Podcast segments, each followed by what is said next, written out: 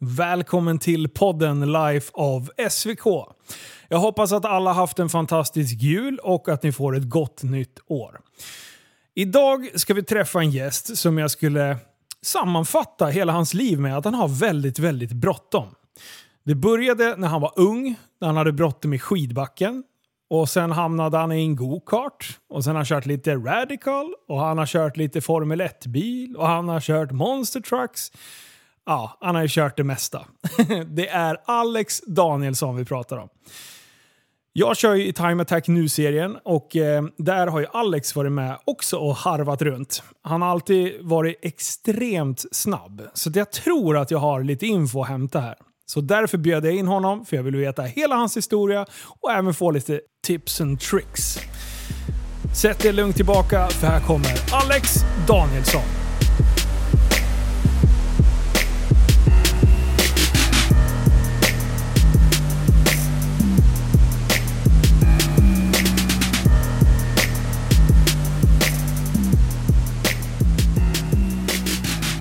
Välkommen till studion Alex Danielsson. Tack. Du, eh, nu ska vi lära oss allting om racing och eh, lära känna dig riktigt på djupet tänkte jag. Oh, det låter farligt. Vi ska bara sitta och prata psykologi här Ja. i en och en halv timme. Du tror vi ska prata racing, men ingenting ska vi prata om det. Nej, okej. Ja, det är bra. Jag är redo. Ja, det är Kör. bra. Du, om, man eh, skulle, om du skulle beskriva dig själv liksom, i, i korta drag, så folk får en aning om vem du är. Vad pysslar du med? Vad pysslar jag med? Det frågar jag mig själv ofta. Men i, i stora drag då, ska Ja. man säga så här. Jag är racerförare Mm. till, liksom, det är röda tråden i livet. Fort ska det gå. Fort ska det gå. Och sen eh, allt som hör runt omkring det med bilar och eh, kanske motorcyklar, någon båt. Och väldigt motorbaserat. Okej. Och sen får jag vardagen att funka runt det med familj och allting. Ja. ja, men vad bra. Då, då, har, då har jag hittat helt rätt person här. Eh, för att jag känner ju till dig från eh, Time Attack-serien. Eh, Time Attack Nu-serien för att vara närmare bestämt. Och då eh, kom jag ihåg, första minnet jag har att jag träffade dig, det var när du körde den här GTR'n.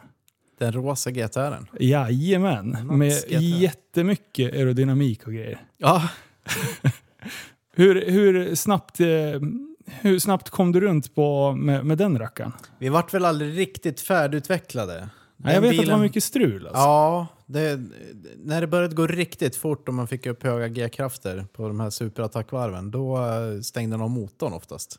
Det är jättedåligt. Ja, det är inte var- så man vinner. Nej, vi kunde vara väldigt snabb halva varvet, sen, sen fick man knuffa den resten. Vad var det som hände då? Eh, jag tror att det var oljetrycksbortfall.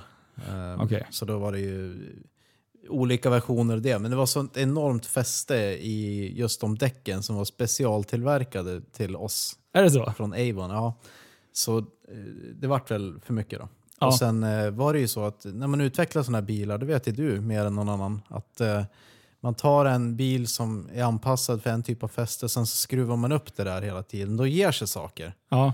Så det böjde ju toastag bak för däcken, det var ju för greppet liksom. Ja. Och, med mera, med mera. Och sen var det diffar och... Ja, så vi vart väl aldrig riktigt klara. Men det var en väldigt snabb bil och den var rolig att köra och den var ju väldigt speciell också. Men eh, För de är ganska tunga de där. För det Ja. var en GTR i botten liksom. ja, det var det. Eh, så att eh, det är ingen röromsbygge liksom. Det var inte det då, det är det nu. Är det det? Ja, nu är det det. Nu Åh, är det byggt en röra om, sen är allting överflyttat då. Ja. Så det enda som är kvar är taket och eh, ABC-stolpar tror jag. Mm. För GTR väger väl ganska stadigt? Är det inte så här 1800 upp mot 2000 någonstans? Eh, jag har ju kört privata GTR nu ett tag också. Ja, just och, det. eh, den senaste den hade ju kolfiberhuv, kolfiberbacklucka, kolfiberspeglar, kolfiberskärmar du vet, och så vidare. och så vidare. Lättare stolar och någonting. Du vet. Ja. Övergripande lättad. Den vägde 1750 ton. Ja jävlar. Det är lite grann. Ja, Om man jämför med eh, eh, racebilarna som är ner mot typ ja, mellan 1200, runt 1200 och, och neråt. Ja, det är det vanliga. Ja. Eh, men jag tänkte så här, vi ska, vi ska börja helt från början. Eh, när du, du är upp, uppväxt i Östersund. Yes. Stämmer, stämmer. Ja, jag har fått rätt info då. Jämtland, Jämtland, jämt och ständigt. Ja, ja helt. helt rätt. Jämtar reser neder som stolta furor över de övriga småbuskagen, sa vår president. sa. Perfekt. Ja, reser runt, det, det vet jag att du gjorde när du var lite yngre. Eh, för vad pysslade du med? Det var inte motorsporten som dominerade då? Nej, bor man i Östersund så är det ju typ eh, hockey, längdåkning eller alpint. Ja. Och eh, för mig var det alpint. Utförsåkning. Jajamän, bodde bredvid slalombacken mer eller mindre. Ja. En slalomfamilj. Så det var det enda jag visste. Det var inte så att jag valde att börja med slalom. Jag är dessutom yngsta syskonet. Ja. Så det var bara, nu ska vi åka slalom. Ja, Sätt i bilen och åk med. det är det vanliga liksom. så jag började tydligen, kunde åka själv när jag var två och ett halvt. Åh oh, fy fan. Och sen eh, tävlade från att jag var fem aktivt, skulle Mm. jag säga. Tills, eh, till och med att jag gick ut skidgymnasiet när jag var 20. Ah, det blev så, så pass. Ja, det var också. hela svängen. Jag var helt inne i det här med slalom då. Men det var någonting som saknades för mig, för jag valde aldrig riktigt att börja. Nej. Mm, eh, Men farten måste ju vara... Alltså fartupplevelsen eh, i utförsåkning, det, den måste ju vara ganska mega ändå. ju. Ja, precis. Det är någonstans mellan hastigheten av en bil och att hoppa fallskärm. Ja. För det är ju, du är ju helt själv ute i naturen. ja. Med eh, liksom spandex och eh, Nice. någon form av hjälm som inte hjälper någonting om du åker in i ett träd. Nej. det kommer göra illa ändå liksom. Har du haft en sån här aerodynamisk hjälm också? Nej, nej det Så snabbåkarkruka? Ja, precis. Eh, speedskiing. Nej, det gjorde jag aldrig. Men eh, jag åkte alla discipliner och eh, var väl bäst på storslalom. Ja. Eh, är det typ super-G? Eh, Nej, är det, är det en internationell klass? Alla, de där, alla grenarna är det då. Ja. Är eh, globalt det man kör. Slalom, det är då man lägger sig över portarna och det smäller och Ja. det går inte så fort men det är dramatiskt. Storslalom, då, då är det långa tajta kurvor eh, fram och tillbaks. Sen nästa steg efter det, de är liksom i, i fartordning. Sen kommer Ah. super-G. Ja. Eh, då är det nära, det är ungefär som störtlopp. Ja. Och sen kommer störtlopp som är en lite rakare version av super-G bara. Ja. Så, så man, man, man kör allt. Kör man det i man- Sverige också? Super-G? Ja. Ja, det gör man. Det, vi, svenska åkare är mera teknikgrenar och det är slalom, storslalom. Ja. Ehm, ute i, eh, kring Alperna, där är det mer fartgrenar. Som, Kan det vara så att våra, våra backar, sett, har du lite bråttom ner, då tar det ju här 30 sekunder. Sen, ja, den här backen som jag hade som hemmabacke är väldigt brant och svår. Men när vi körde storslalom och träning, jag tror det var 20 sekunder någonting tog det då. Liksom. Åh fan. Om- Om man försökte göra en väldigt långsam slalombana då kanske det var 40 sekunder. Ja jävlar. Ja, eh, det är lite skillnad på, på natur eh, om man jämför mot Alperna. Ja, Jag, har, jag var uppe och åkte ganska mycket när jag var yngre. Eh, någon gång per år. Det är mycket för mig. Eh, och sen var vi ner till Österrike och körde en gång. Aldrig mer ska åka i Sverige. Nej. Fuck you. Det, alltså vilken skillnad. Det är så här, ja, vi ska nu vara nere, hos bus, eller på, eh, nere i byn och ta bussen om en timme. Man bara, är tvärlugnt. De bara, alltså det tar 45 minuter att åka ner. Och man åkte fram och tillbaka. Nej, det var jätteballt. Alltså, från, det, det var lite ögonöppnare kan man ju säga. Men då känner du också lite här med fart och det. För det är faktiskt en parallell. För vad är det som gör att man kan köra racing då och begripa sig på det helt plötsligt när man inte har gjort det förut? För min del så var det slalomen. Ja. För du har exakt samma egenskaper som krävs av den som är duktig på slalom eller duktig på att köra racerbil. Ja. Det enda som skiljer är att i slalom är du din egen motor så att säga. Ja. Ehm, och i racing får man ju trimma bilen istället på olika sätt. Mm. Men jag brukar dela upp det så här. Linjeval är en uppenbar sak. Ja. Åker man eh, slalombana då är det ju, handlar det bara om linjeval. Ja. Du har ju inte någon gaspedal heller utan det är bara vad tyngdlagen kan ge dig. Liksom. ja, precis. Eh, sen är det ju här äh, känsla för fart bara. Mm. Och där ligger ju även att bedöma avstånd när det går fort. När måste jag börja göra det här för att hamna där? Ja, precis. Eh, planeringen. Mm. Eh, och sen den här ryggradskänslan. Åker man i en easy slagig, slagig slalombana med startnummer 112, Ja. då eh, studsar skidorna bara runt. ja.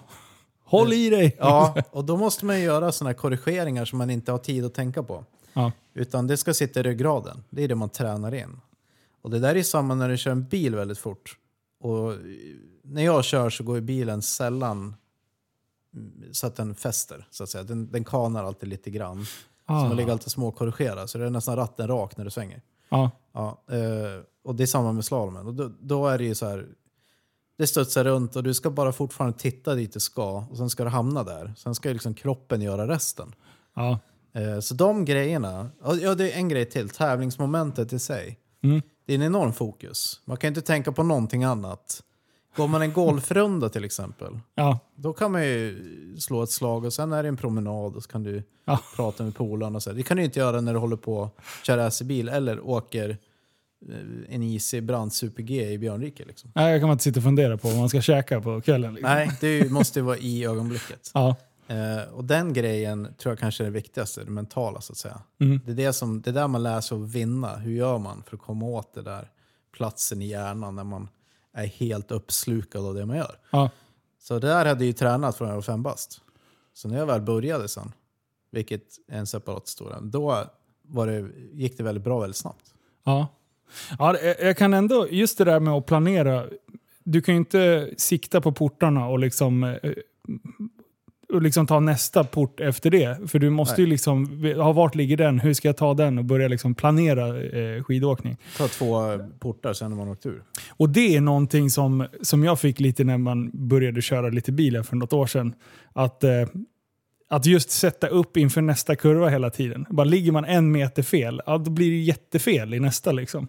Och det där hade jag liksom inte riktigt reflekterat över förrän, eh, förrän man satt där själv. Bara, Vad fan gjorde jag nu? Varför tar jag den här kurvan så in i helvete dåligt? Förra varvet gick det skitbra. Sen bara, vänta nu, här har vi... Så att, Det är det som är kul när man börjar skala tillbaks lagren på löken. Liksom. ja, Och bara kommer ner till precisionskörningen. ja. Det, det, det, det tycker jag är jättekul. Det är Mm. det som fascinerar mig mest egentligen. Ja, och det har jag ju förstått, er, ni som kan köra på riktigt. Alltså vilken... Att det handlar om väldigt, väldigt, väldigt små marginaler. Medan en annan, man var ju glad att man höll sig på banan liksom. Man var ju skitnöjd.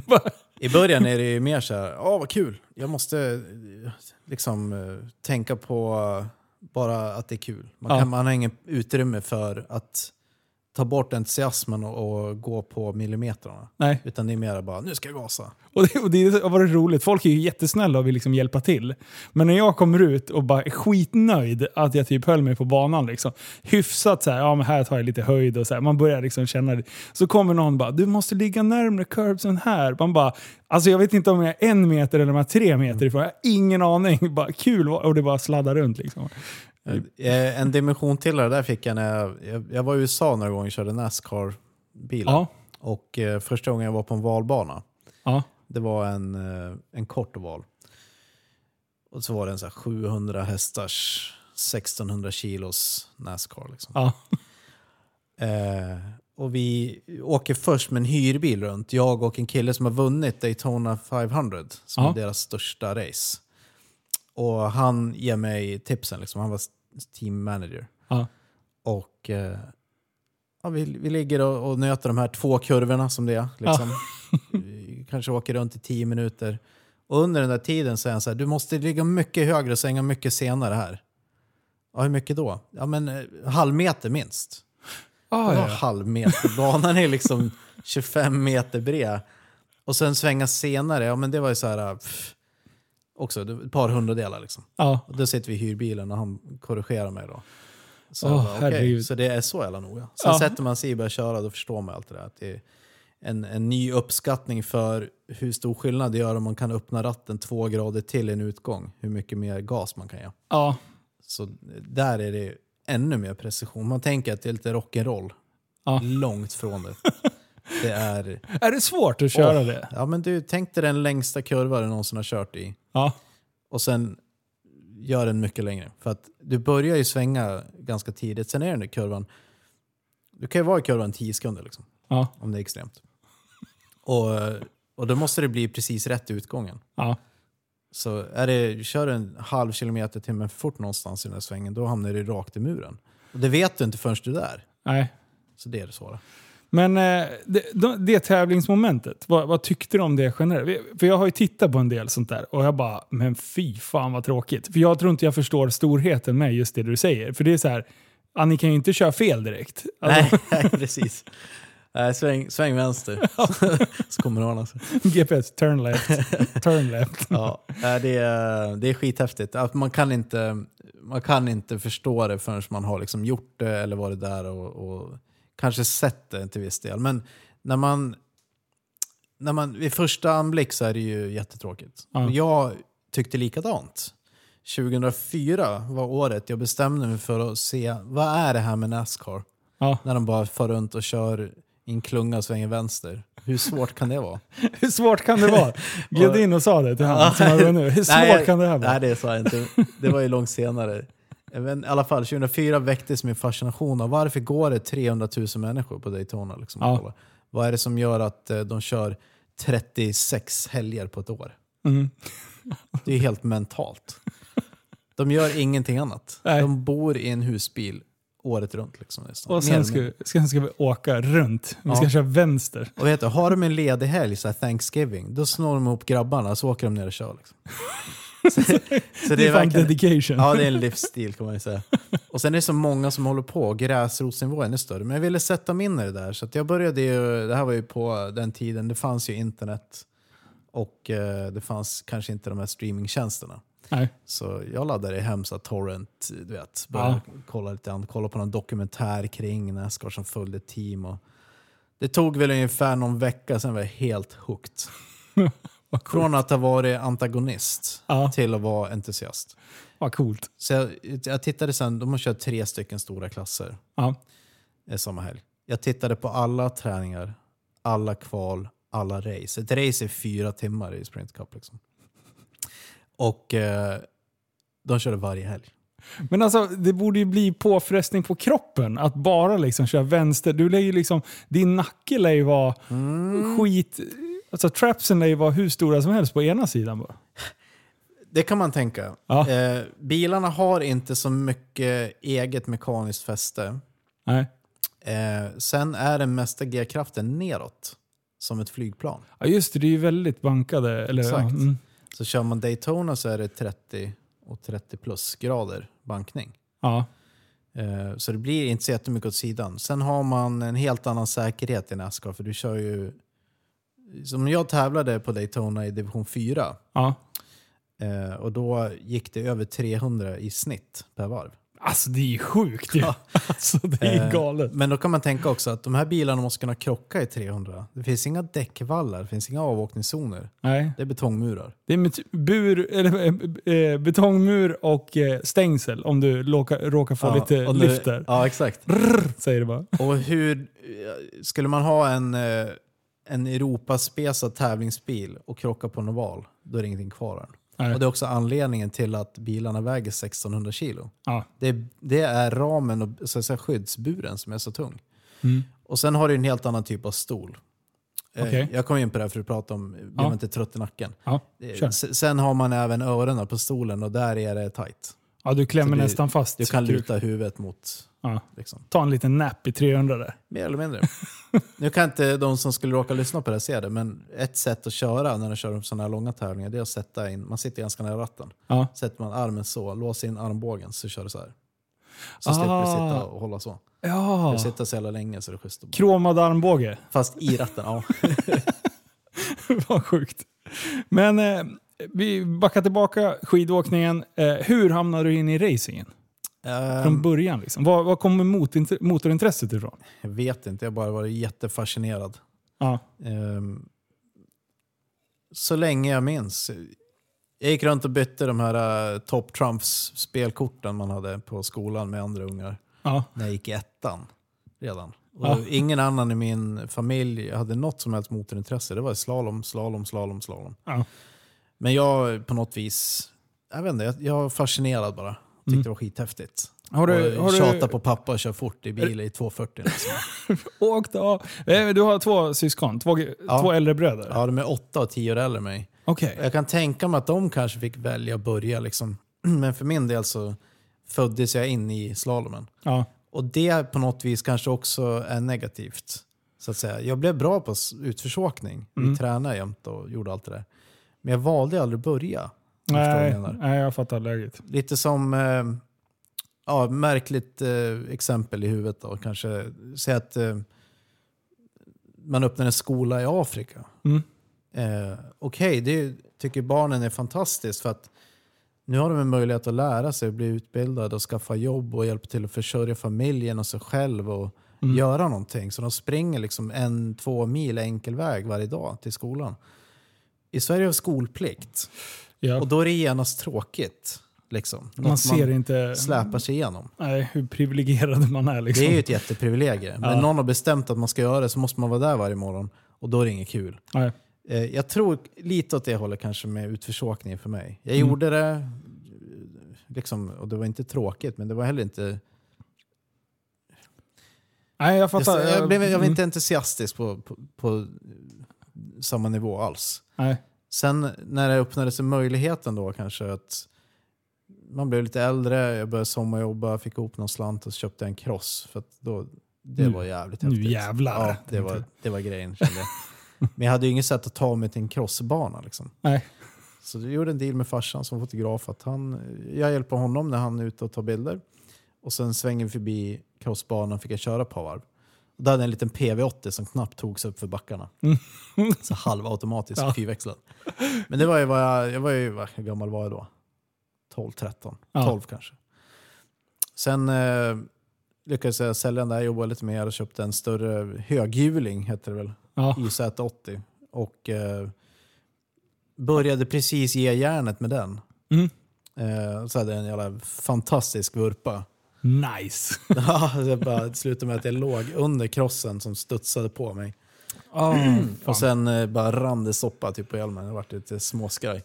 oh, fy fan. Men eh, i det läget kände jag att jag skulle sälja den fast. Parallellt med det så hade slalomklubben en upptaktsträff. Ja. Det var en jättestor slalomklubb med Sveriges då bästa tjejer speciellt. Ja. Anna Ottosson, Ylva Novén, Kristina Andersson. Eh, det här var, eh, damlandslaget var i vår klubb typ. Okej. Och det var en, alla åkte i slalom som sagt, det var Östersund. Ja. Eh, så vi var på en gokartbana i närheten och fick prova, vi körde hyrkartor och då är alla naturligt ganska bra på det. Ja. Sen var det en kille som hade med sig en Formel Micro som då var från 10 till 12 år.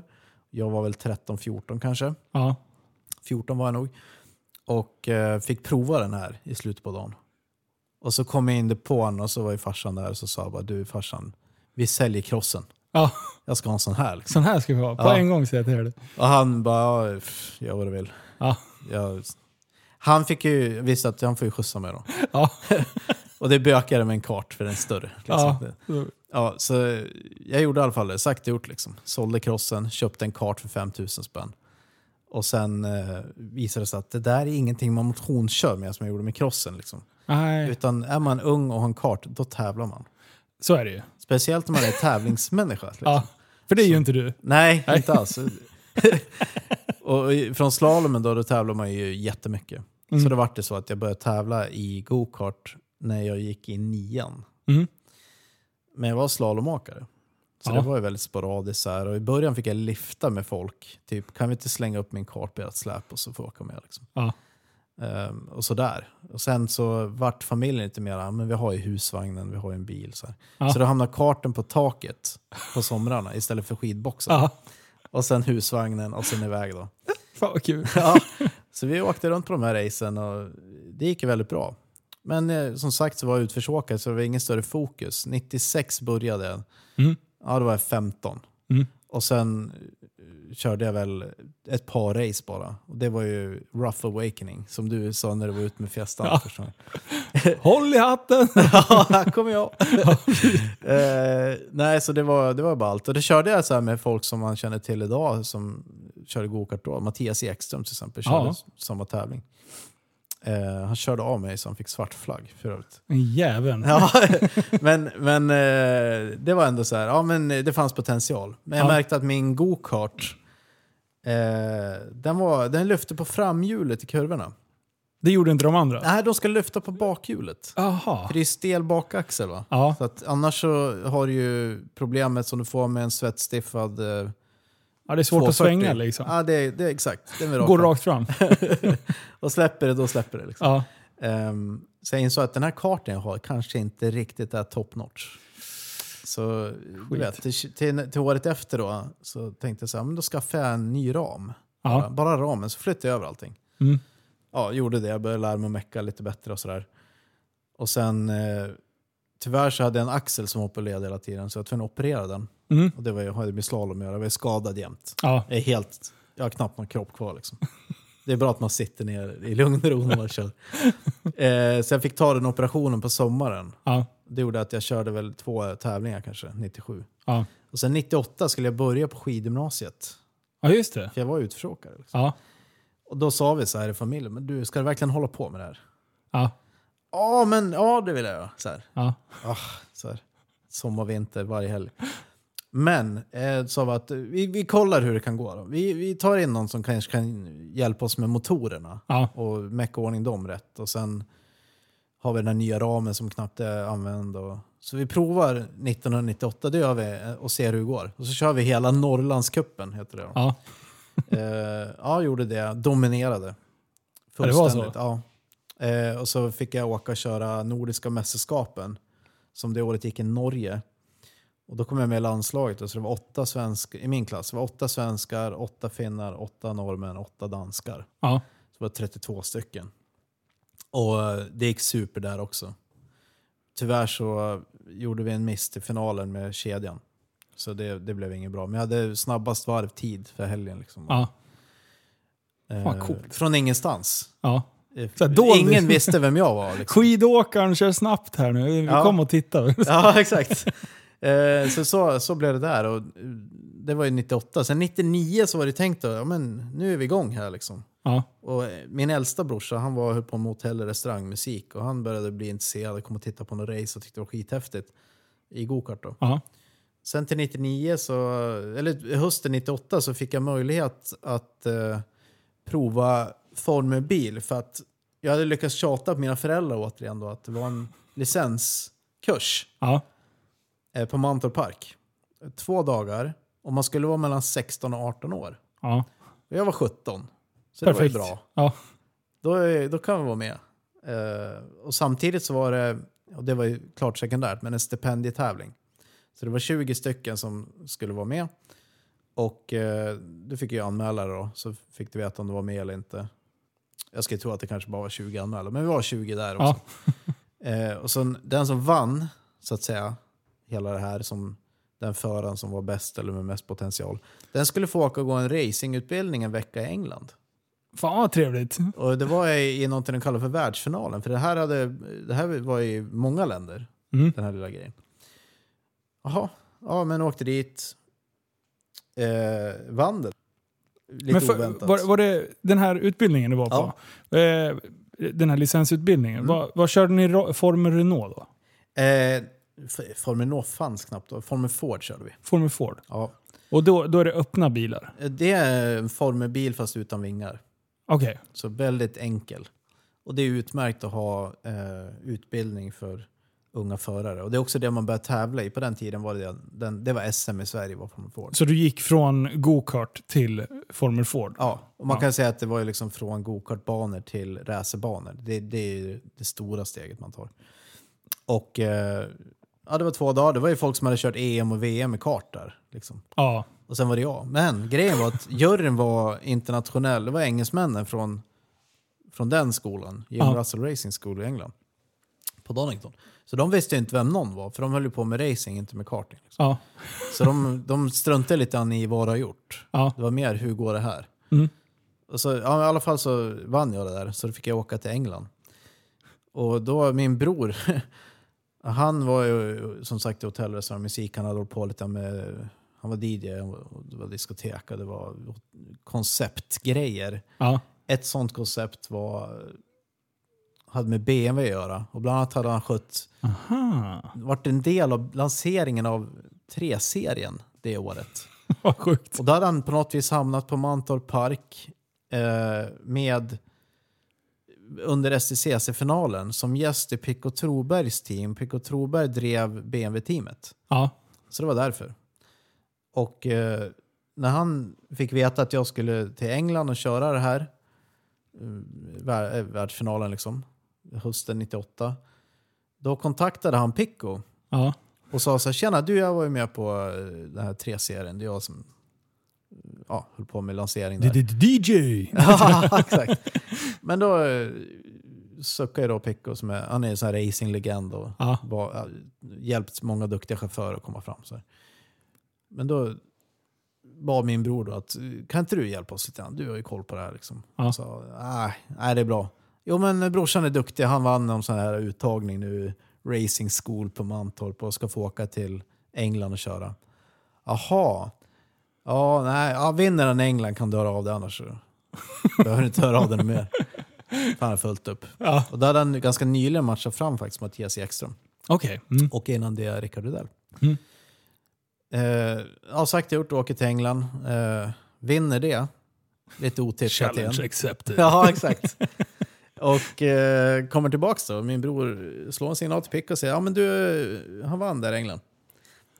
Jaha, Skit också.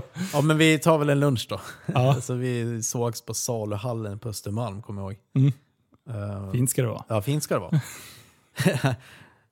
det, då skulle han driva fabriks alfa-teamet i STCC nästa år. Alltså 1999. Mm. Och då vart det så till slut att vi la till en Formel Ford där. Så jag köpte en sån här Formel Ford för 50 000 plus moms. Liksom. Mm. Skrothög. Men som vi gjorde ordning lite och, och sådär. Och det var bra motor i den. Ja. Liksom. Och sen körde jag det en säsong. Det var en stor klass, det var nästan 30 bilar med i Sverige. Och det var JSM och SM i Formelbilar var Formel Ford. Ja. Så det var dit man hamnade. Eh, och så gick det väl okej, jag hade en pallplats, hade ett snabbast varv.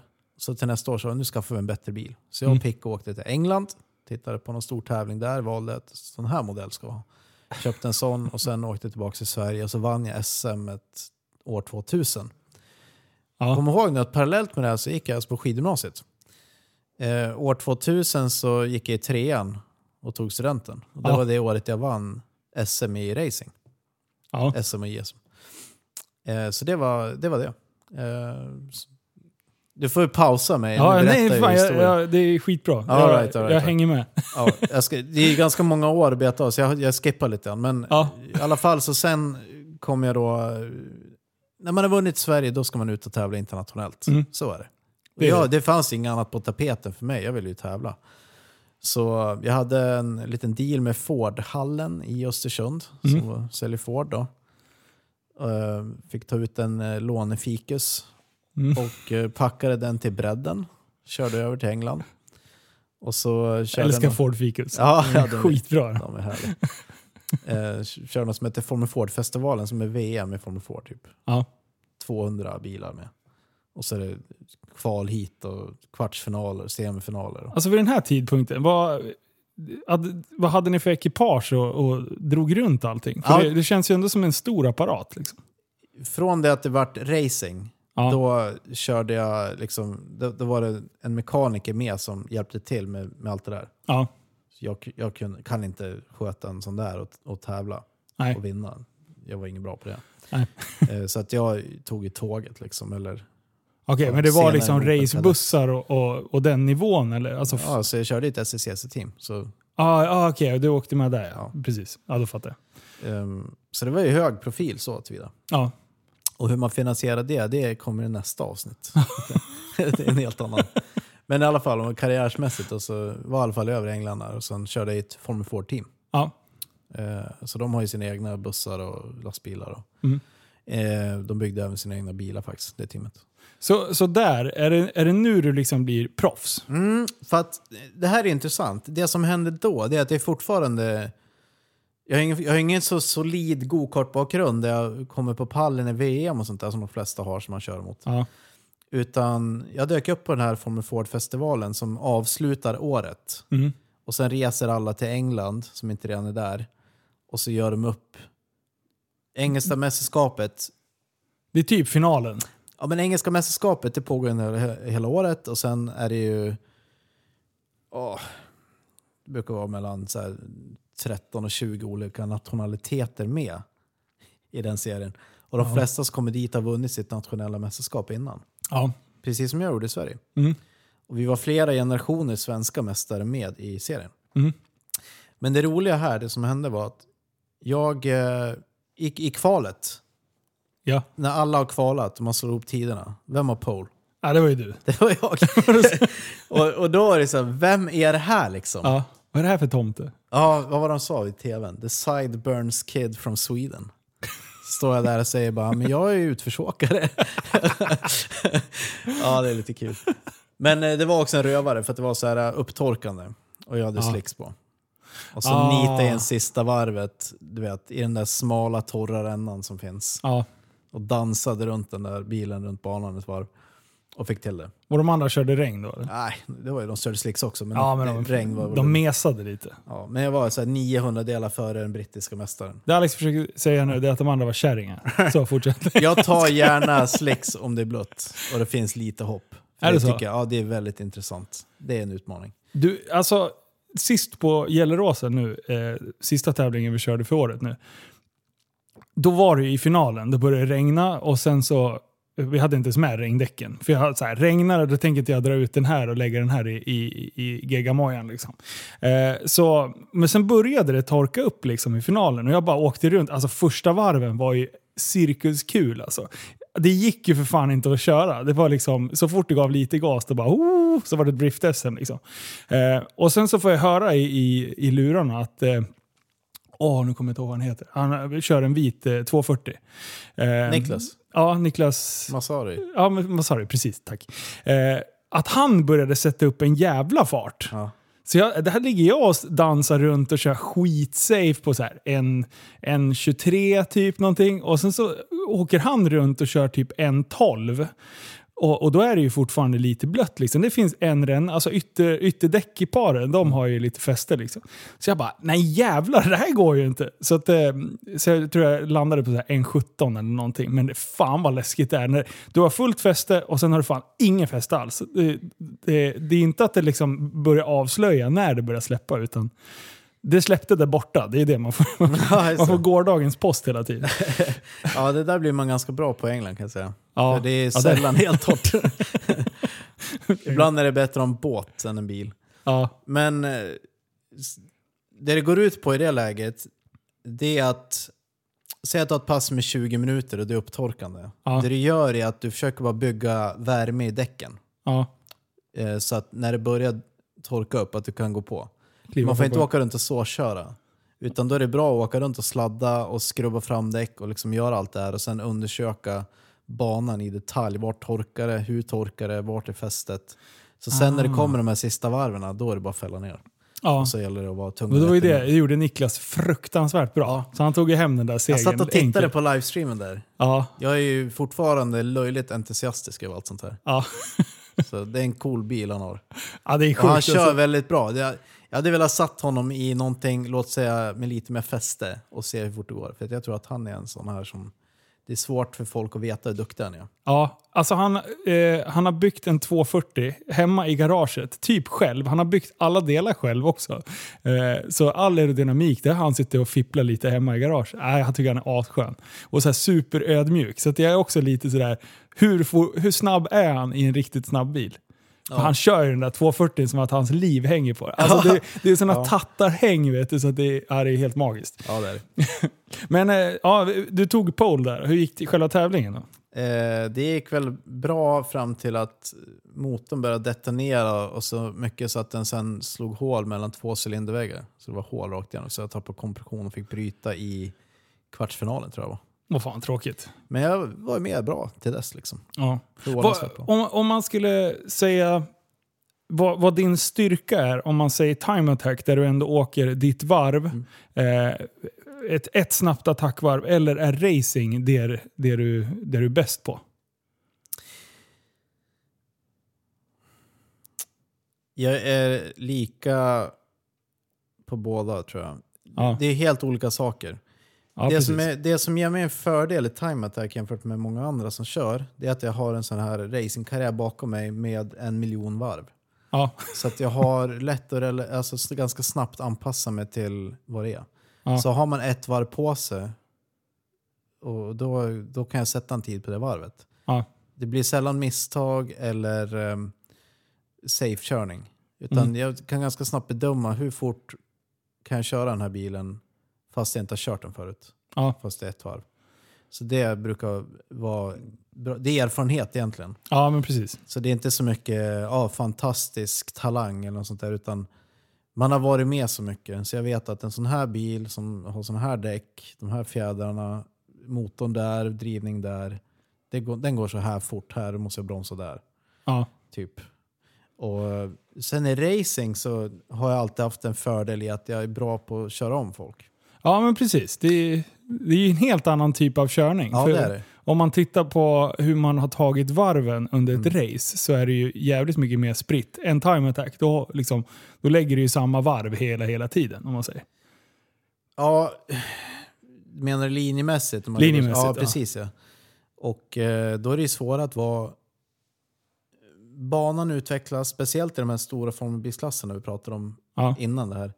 Och eh, det kommer gummi där, du kör upp en tank soppa på 100 liter så bilen väger mindre, balansen flyttas, Mm. däcken slits. Eh, då måste man gå igenom hela den omställningen Mm. samtidigt som man jagar varvtider. För när jag kör ett race då är det time attack varje varv. Liksom. Ja. Det finns, samtidigt måste jag spara däck. Ja. Nu börjar det bli komplicerat. Ja, precis. Eh, så det, då måste man utveckla det körsättet. Så det räcker inte med att köra fort på ett varv. Har du sett, ja det är klart du har, Days of Thunder? Nej, jag har ju inte det. What? Nej. Oj, nu blev han jättebesviken på mig här.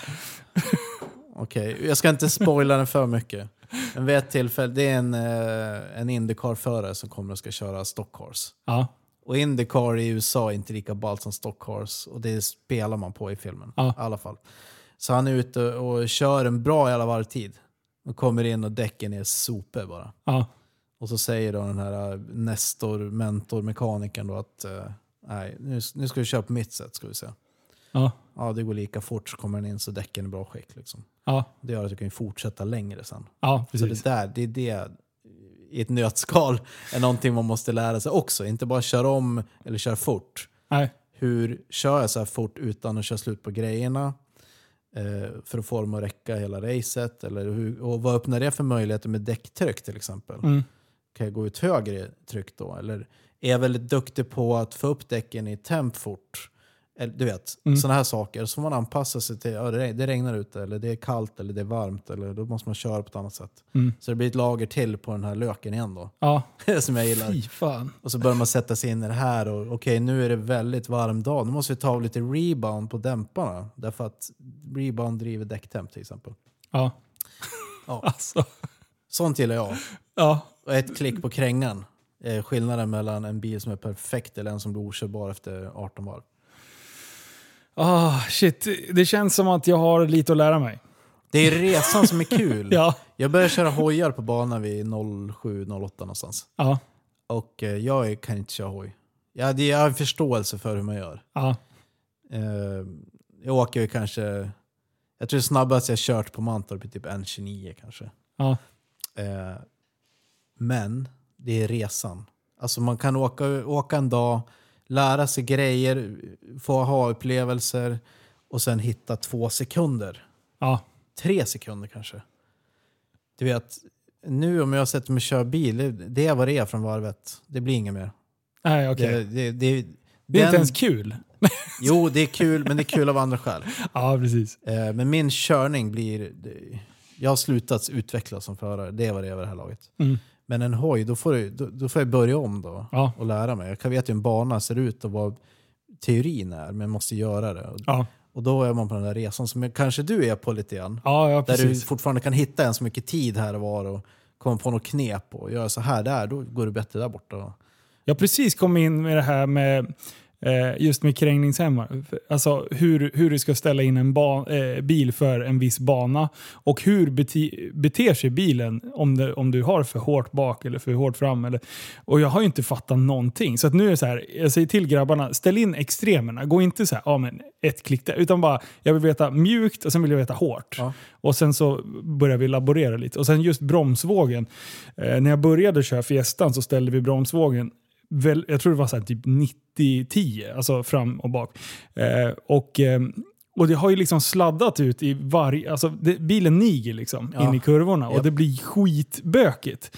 Eh, men det där gjorde vi första gången jag skulle köra för jag ville inte få tattakast liksom, Nej. i kurvorna. För jag tänkte då i alla fall då är jag i alla fall kvar på banan, liksom, även fast jag fuckar ur. Så det ställde vi nu. Och jävlar vad den bromsar bättre. Jag kunde ju bromsa mycket, mycket senare. Och bilen liksom, då kunde du ställa in kontrollerade ställ in i böjarna. Liksom. Men det kunde jag ju inte innan. Det bara kastade, det var action på hög nivå. Så att, ja, jag, jag är inne på den där resan. Men, men sen måste ju biljäveln hålla också. Det är ju det som är. Det är du får alldeles för lite tid i bilen. Och det är nackdelen med de här balla bilarna i Time Attack. Det är Ja. att allting är på 11. Så att de håller inte. Nej. Kör man en eh, Golf R Ja. i Club, Club Challenge där.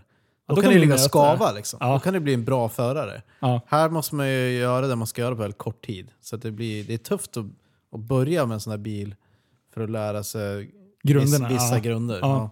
Nej, precis. Så, att, så att, ja, eh, man skulle behöva mer tid. Så vi har dragit ner effekten och liksom eh, gjort, byggt om mycket så att det ska bli liksom hållbart. Så att, peppa peppa så har bilen hållit ganska bra. Nu är det några länkarmar som går. Va? Så att vi, ja, vi har byggt nytt där. Men eh, hur, vi är fortfarande i England och du pajade bilen i kvartsfinalen.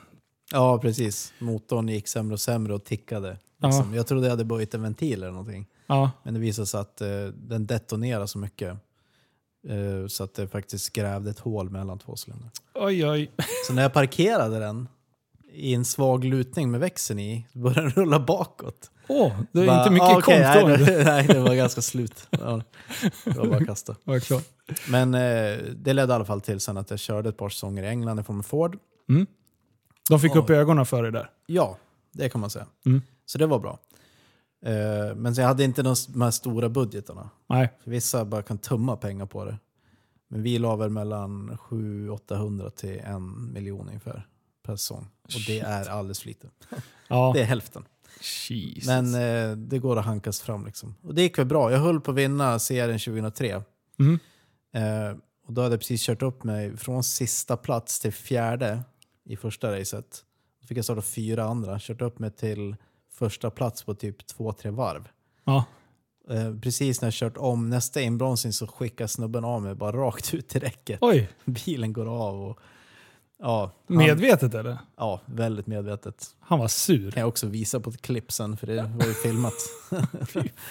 Men eh, han fick ett stort hål i noskonen. Ja, Ja. Det var tråkigt, annars hade jag vunnit serien. Det var väl tre eller fyra tror jag. ja.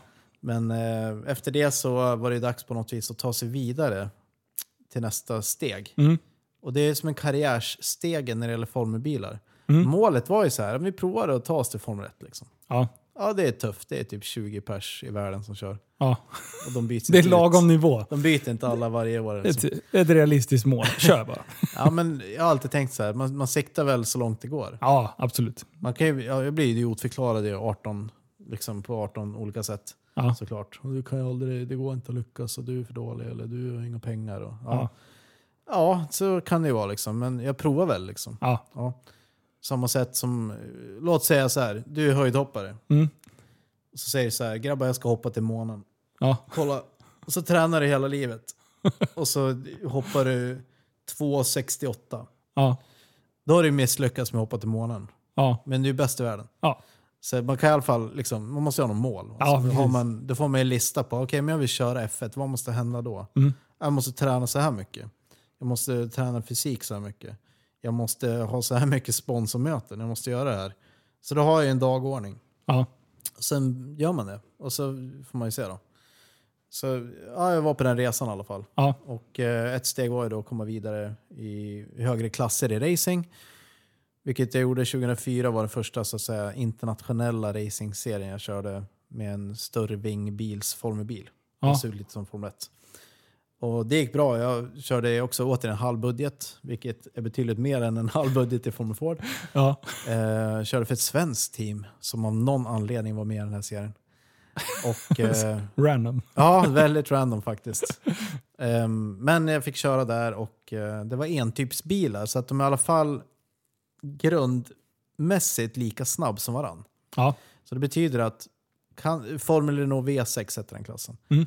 Är det så att man ställer in allting rätt, har allting preparerat och bra och schysst, då är det en bil lika snabb som den andras bil. Ja, Liksom. yes. Det är samma bil. Så då är det liksom föraregenskaperna som, som eh, och ja, eh, du kan ställa in eh, viss, vissa grejer. Så så här, det är inte som i Formel 1 att om du har... Följer Formel 1. Ja, lite grann. Ny, nyligen så vart Hamilton eh, sjuk, coronasjuk. Japp. Och då tog man in en kille som kör i sämsta teamet, Mm. som heter Russell. Han fick köra Hamiltons bil. Och om Och inte tog var, han pole? Nej? han var kvalad tvåa, Ja. men han ledde racet och hade vunnit det. Om det inte var så att teamet tyvärr strulade bort han. Satte på fel däck på hans bil som fick komma tillbaka in igen och byta. Och var Då det det som Då hände? fick han punka. att det var så här. Åh, Men han, han, han tog ändå sina första VM-poäng. Ja. Trots två onödiga depåstopp. Men det betyder ju så här då. Han kör ju likadant. Mm. Teamen är jätteduktiga på att ställa in bilarna och allt det där. Men bilarna är inte lika snabba som varandra. Den ena bilen är snabbare. Så det problemet har man inte i entypsklasser. Där är bilarna lika. Mm. Såvida ingen fuskar och sånt. Du, eh, det här, jag har ju sett en evig diskussion på Facebook om, om just det som hände med eh, du har ju team eh, eh, Hamilton som bara eh, försvarar det och sen har du de andra som är... Jag skulle säga att det är, det är två team. Det är team Hamilton och team Hata Hamilton. Det, jag skulle vilja dela upp hela F1-scenen på. Facebook i, Ja. i, i form av det. Vad, hur, hur, hur mycket är det som styr? Hur bra är Hamilton på att köra? Han kan mycket väl vara bäst Ja, av alla i världen. ja Absolut. På att köra Formel 1-bil. Ja, precis. Ja. Sen är det ju så här. När det är kval Ja. eh, och låt säga att alla får en vecka med den där bilen. Mm. Alla förarna. Och sen så ska de ut och kvala och så får alla köra samma bil. Så tror jag ändå Hamilton mycket möjligt kan vara snabbast. Men det kommer inte skilja mer än någon tiondel på allihopa. Nej. För alla är jätte, jätteduktiga. Men sen kommer du till race och då är det en annan sak. Det är så många faktorer, det vi pratade om. Ja. Där går det inte att klå honom, liksom. han. Det spelar ingen roll vad som händer i ett race, han vinner ju ändå. Ja. Bortsett nu senaste racet, för han var ju fortfarande sjuk egentligen. Ja. Han fick ju Jag, köra jag, några- har inte, jag har faktiskt inte hängt med sista. ah, han kom väl trea liksom. Ja. Men, Boo. ja, boo. Men då var han alltså, eh, helgen innan så var han corona-positiv och sängliggande. Ja. Och så att det var ju fysiskt som det inte funkade för honom. Ja. Det är inte att han har tappat det som förare. Liksom. Men jag skulle säga så här, han är sådär bra. Ja. Och sen kör han den absolut bästa bilen. ja. Det, För- för det- Då vinner man. Det var många som liksom ville ta bort hela hans talang bara för att han hade en bra bil. Och då så här, jag köper vad de säger, att Mm. sätter du en, en annan förare i hans bil, ja absolut, bilen är ju i topp. För du måste ha en toppförare och en topp, ett toppteam Mm. Ja. för att kunna liksom eh, vinna egentligen. Det kan man ju konstatera. Eh, så de, jag tyckte de gjorde det väldigt enkelt för sig och försökte verkligen kasta han under bussen bara för att eh, någon gled in och faktiskt gjorde det jävligt bra i hans bil. Alltså, han vinner ju VM på VM här. Det är ingen slump och han håller sig på topp hela tiden. Mm. För då borde det- mitt andra argument blir, varför vinner inte Bottas då?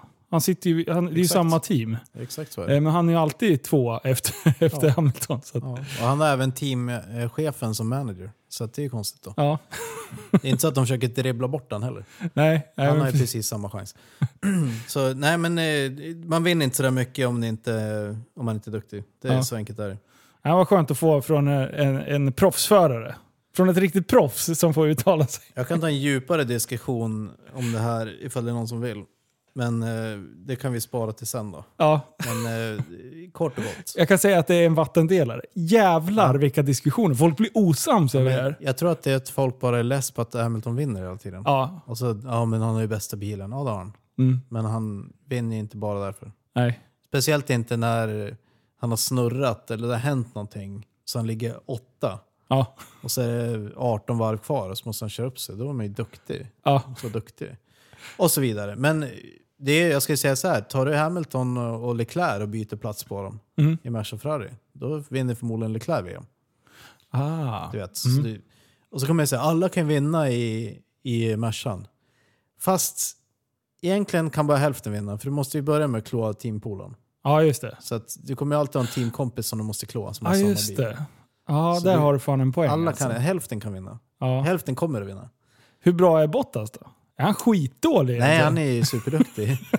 Sen Tänk i om han år... är askass. Ja, i Alla år hade spöar han, honom. jag vet inte om, du, om vi ska nörda ner F1, så Turkiet som var för någon månad sedan nu, Ja, en månad kanske, där vart han varvad av Hamilton.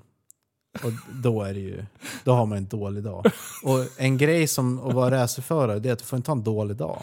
nej, Det finns ju inte. nej. Det är, det är många som litar på dig. Ja, Du har en viktig representerar roll. ett ganska stort gäng. Ja, Eh, där när jag körde Renault F1-bilen, då var ju 600 personer anställda där. För att bygga två bilar då, kan man Ja. säga. Bygga och tävla med två bilar. Ehm, och eh, potentialmässigt, du måste hela tiden ligga här. Ja. Fullt glas så att säga. Ja. I det här fallet, för jag sitter med ett glas. Eh, tappar du ner hit, då får du spö av någon som är sämre men levererar på din potential. ja. Så Bottas har väl haft ett par sådana race i år. Men han är, han är jätte, jätteduktig. Ja, ja, annars, ja precis. Men du, du nämnde att du hade kört eh, Formel 1-bil. Mm. Eh, hur var det? Medan Ja, vi de ändå är inne på. Formel 1. Vad, var det, vad sa du? Renault? Nej? Mm, Renault. Ja. Så Renault vann ju eh, Formel 1 2005 och 2006 Mm. tror jag. Med Alonso. Ja, Just Som det. gör comeback nästa år för övrigt. gör han? Ja. De Alltså. hade rookie-tester precis. Han får vara med där för han har inte kört på så länge. Ja, Och då var han snabbast. Före bägge matcherna. Mer än Ja. någon. Ja, Så det var ju i helgen som var. I alla fall. Eh, så ja, nej, men jag körde ju Renault eh, och det var 2006 och 2007 års Renault jag körde. ja. Så den ena var ju bokstavligen Alonsos mästarbil. Fan coolt. Körde Vilken bana? Eh, första testet var på en testslinga på Silverstone. Ja, sen gjorde jag ett par såna uppvisningar. Och så körde jag på Le Mans. Eh, så det vart... Hur många gånger körde jag? Ja, jag, jag körde ett par gånger. ja, ja. Eh, Fan coolt! och det var ju jättebra va? Men tanken var ju tävla. Ja, Och så blev det tyvärr inte. nej. Jävla skit. Du Ja. snubblar på målsnöret. Men du har ändå kört Formel 1. Det är inte många som har fått gjort det. Nej. Från ett riktigt team om man säger. Nej precis, det var ju jävligt häftigt att köra en, en, en riktig F1-bil på full macka. Som ändå vunnit VM, så det var en bra bil. Hur skulle du, hur skulle du beskriva mot allt annat du har kört? Är det, är det, är det liksom eh, hästlängder för det? Mm, Nej. Den, den, det ena som slog mig var, det var den var ju väldigt, väldigt lättkörd. Ja. Och Okej. det är klart, när man tänker efter på vad de har för budgetar, Ja. att de ser till att bygga den här bilen väldigt bra. Ja. För den här budgeten, man pratar om miljarder hit och dit. Ja. Och det är förbrukningskapital. Så att säga. Det är inte- så att de investerar en miljard och sen har de ett hus för en miljard, utan de spenderar en miljard. Ja. Eh, och det leder till en bra produkt såklart. Ja. Och i det här fallet så var den väldigt, väldigt bra. Så det slog mig i det ena, det var att den var väldigt lättkörd. Och den hade servo, vilket jag aldrig har kört en formelbil med servo förut. Åh fan. Eh, sen, en annan grej var ju då att den, vad den gjorde så bra, det var att den sydde ihop alla grejer. Som World Series-bilen hade tävlat med året innan. Ja. Den var ju typ lika snabb i inbromsning och kurvor. Ja. Men den axade inte alls lika bra. Okej. Och eftersom du axar bra har mycket effekt så att när du har väldigt hög fart, så här, mellan 250 och 300, Ja.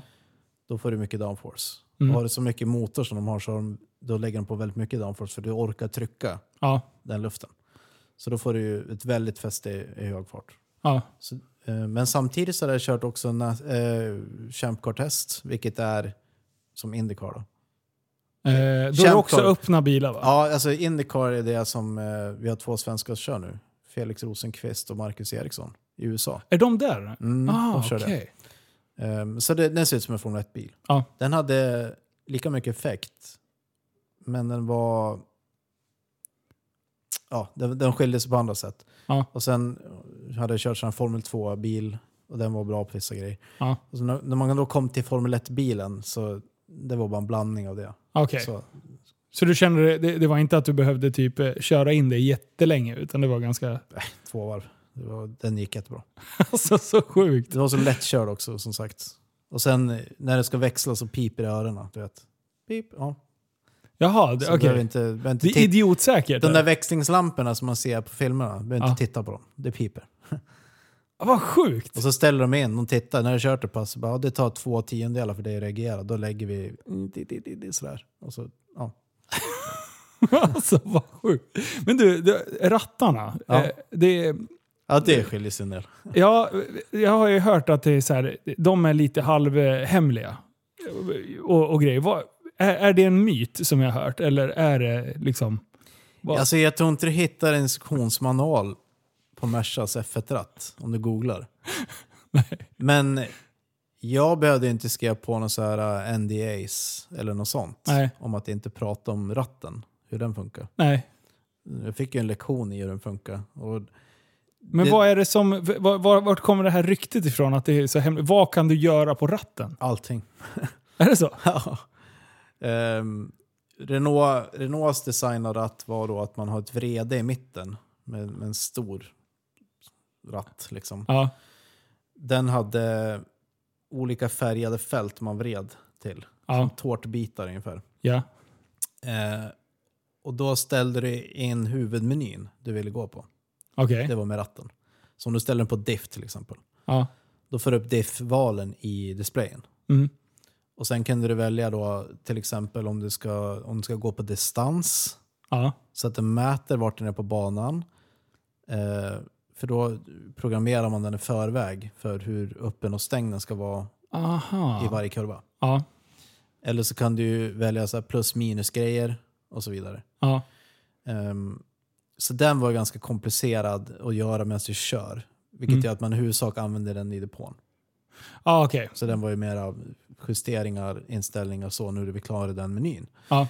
Sen var det ju, på den tiden var det traction control-inställningar. ehm, och det till exempel var en, en separat ratt. Och då hade du kanske fem olika program. 1 Mm. till 5. Och då var det inte som 1 till 5 på en fläkt. Att ökar det till 4 så blåser det mycket, lägger du på 5 så blåser det mer. Ja. Utan det var fem olika program så att säga. Okej.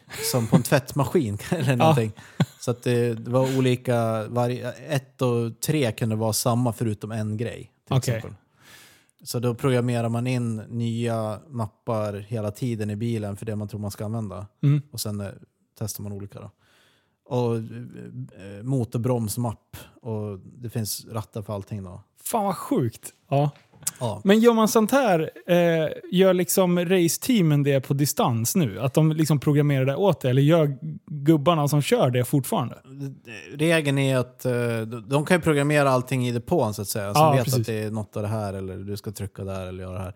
Men föraren måste göra det själv. Okej. Mm. Eh, fan stört. Så det är mycket att göra i en sån där bil faktiskt. Speciellt om man tittar på moderna Formel 1-bilar, hur mycket förarna sitter och håller på Ja. på rakerna. För du måste göra en klar för nästa sväng. Så du kanske ändrar bromsbalans, eh, ändrar diff på väg in. ja. Alltså, mo- eh, Men då gör de det här under race? ja, mellan kurvorna. Men du, det här... Okej, nu ska jag börja titta på Formel 1 på ett helt annat sätt. Nu, nu kommer jag ju försöka hålla lite koll på vad de gör. Jag ska visa dig ett klipp sen som jag såg för några veckor sedan. Ja. När vi är klar här. Så det är bara du som ser det. Ja, det är så sjukt hemligt är det. Nej, det är inte hemligt. Men eh, det är Ricciardo sitter på ett kvalvarv. Ja. Och så ser man hur han bara ändrar allting hela tiden mellan varje sväng. Aha. Fan vad sjukt. Ja, Och det är har ju- bestämt i förväg. Ja. Den svängen går till den diffen, där borta går till det. Här måste den bromsvågen. Liksom. Eh, Renault hade faktiskt, förutom bromsvågsvredet som var förvånansvärt standard, Ja. så var det en stor jäkla spak. Där växelspaken normalt sett skulle vara. Ja. Eftersom man har paddlat så är det ingen. Och det var så här, äh, en halv ändring mellan fram och bak. Så du Aha. drog den där spaken så här, då flyttade du typ en halv procent. Så den var ju bra att ändra för hårnålar och snabba kurvor, bara gå fram och tillbaka på den där. Istället för att sitta Så det gör man liksom, när man kommer till den kurvan så... Ja. så alltså jag i så här, all, Allt fäste när du kör över 200 kommer ifrån vingarna, ja, eller downforcen. mhm. Bilens vikt är ju så här, äh, den jag körde vägde 600 med förare. Men bilen väger ju så här 4-5 ton i slutet på rakan. ja, Så du kan ta bort de där 600 kilona. De, Ja, Ja. de är meningslösa. och då är det ju hur blöder downforce av när du bromsar? ja. Är det, släpp, är det mer bak, mer fram? Och vad är det för typ av kurva? En hårnål? Då går det ju väldigt långsamt där. En snabbare inbromsning till en kurva som kanske går 130? Ja. Kurva 1 på Mantorp till exempel. Ja. Då har du en annan bromsinställning. Okej. Ah, shit. Eh, Det blir så många lager. Ja, det är många- Ja, det ja. Eh, Men eh, hur, hur kommer du från... För jag vet ju att du har varit iväg och kört monster trucks och grejer. ja. Hur fan hamnade du där borta då? Precis. Jag, det är så många konstiga sådana situationer i mitt liv. Jag ska säga också att jag körde VM i... i kommer inte ens på. Då är man disträ. Rallycross. Jag körde rallycross-VM ett år. Ja, men det, okej, nu måste vi... Nu får du förklara. Hur hamnade du där då? Ja, exakt. Ja. Kan, det, det är så här, hur gick det till? Eh, och jag kan säga att första tävlingen jag körde, det var alltså i stora VM Mhm. i största klassen. Supercar heter den. Så står jag eh, bredvid, jag hade aldrig varit på en rallycrossbana. Men vad fan? Jag hade Det är så aldrig sjukt. varit på en rallycrossbana ens och tittat. Eh, så stod jag bredvid Petter Solberg som hade vunnit VM året innan. Ja. På, Och han körde VRC innan det va? Eller var ja, han körde? VRC, ja herregud. Ja. Han har ju vunnit VM i rally också. Ja. Så VRX är ju då rallycrossen, så att han Ja. flyttade över dit sen. ja. Och så vann han första året han körde tror jag EM, var det då. Sen vart det VM. Och han, han var ju mästare. Han, jag skulle starta i heatet här så han stod bredvid, det var i Portugal. ja. Står han bredvid mig så står de andra så här superstjärnorna där.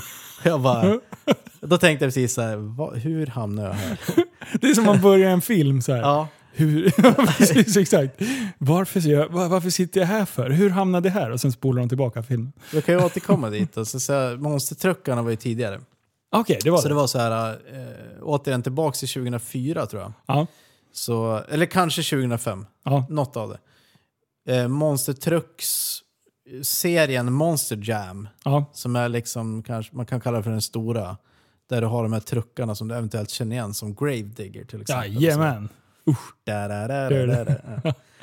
Ehm, det är Monster Jam. Ja. Okej, så de eh, skulle då expandera utanför Amerikas, alltså hela den kontinenten och börja köra Europa bland annat. Mm. Och första anhalten var just Europa. Då var det så här, då skulle de sätta ihop någon turné då. Ja. Som skulle köra en tävling i ett par länder som test. Sverige blev ett land. Jag tror det kanske var Finland och Belgien. ja. Något sånt där. Så tre, fyra shower skulle de göra. Det var i Globen va? Det var i Globen. Mm. Helt rätt. Och de, Fan, jag kanske till och med var där. Jaha, då har du sett mig köra. För Är det jag var så? med i den. Ja. Vad sjukt. Eh, så vad de gjorde var lite smart var att man hade man köpte in programmet i TV4. Mm. Och jag tror att det gick så halv åtta på fredagskvällar. Ja. Och eh, halvvägs genom den säsongen av att visa de här Monster Jam-tävlingarna i USA så säger de oh, by the way, nu kommer Monster Jam till Sverige. Ja, ja. Köp dina biljetter. Du vet. Ja. Så de sålde ut Globen fyra gånger, vilket de inte riktigt hade tänkt. Och det var, man, Globen är ju liten så att säga. ja, precis. Så att man måste ju stänga av, så det gick in 11 000 personer Mm. när man har skärmat av tillräckligt mycket. Ja. Så det var ju 44 000 betalande besökare ja, på ett motorsportevenemang i Sverige. Det är mycket. det är sjukt. Eh, så det var första året. Och då sa de så här, ah, vi ska ha med en svensk på något vis. Mm. Eh, och så var det jag som... Det var väl jag som hade en formelbilskarriär på gång just då. Ja. Jag fick frågan, så här, någon form av motorprofil, så fick jag frågan, du vill du komma och vara med? Mm. Jag bara, ja visst. det låter kul. Nej, jag, nej, jag orkar inte. Så vad de gjorde var att eh, jag hade inte kört en sån där. Och Nej. låt mig berätta då att det är inte alls som att köra någonting annat. Nej. Glöm allt du vet. Det här är något helt annat. Det är som att jämföra, vi håller på med slalom där, det är som att jämföra slalom och längdskidåkning. Okej, Det är inte, du, du, har, du har skidor och stavar, men där slutar där likheten. slutar likheten.